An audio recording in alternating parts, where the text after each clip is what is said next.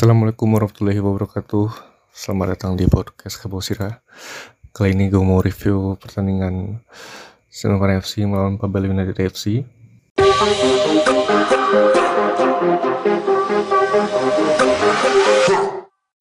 Ada sebuah ancaman dari Babel United FC Yang menit-menit awal Namun bola masih jauh dari tendangan Masih jauh dari bibir gawang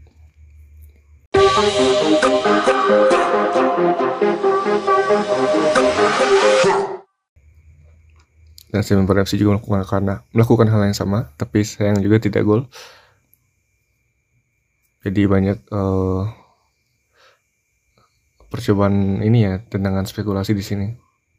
Tapi di pertandingan ini Semen FC juga cukup mengotot dalam bermain sehingga terlihat uh, posisi Mabel United FC sedikit tertekan uh ada deflection tadi mengenai kaki dari salah satu pemain Babel United FC tapi sayang bola masih bisa ditangkap oleh kiper ya Babel United FC bola-bola datar yang sangat mengerikan jika tidak bisa ditangkap ya bola-bola liar.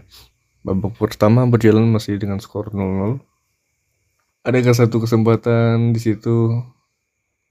Mario Aibekop mencetak gol bola muntah tadi ya yang harusnya bisa menjadi sebuah gol dari seorang Pendrimovo sepertinya. Eksekusi bola mati oleh Babel United FC, tapi masih jauh dari bibir gawang. Sebenarnya banyak peluang dari kedua tim yang bermain ini, tapi ya begitulah. Belum sesuai harapan mereka. Aduh, kurang ketenangan sih sebenarnya finishing ini ya sama FC ini.